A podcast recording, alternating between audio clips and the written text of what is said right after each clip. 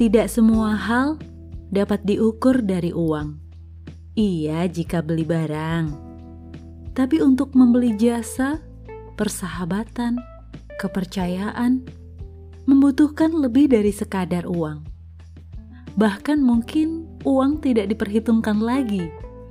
Ada hal-hal yang kita beroleh kemurahan dari Tuhan melalui orang lain, melebihi dari nilai uang itu sendiri. Kesempatan, kepercayaan, kerukunan, kebersamaan, dan masih banyak nilai kebaikan lainnya yang tak akan tergantikan dengan sejumlah uang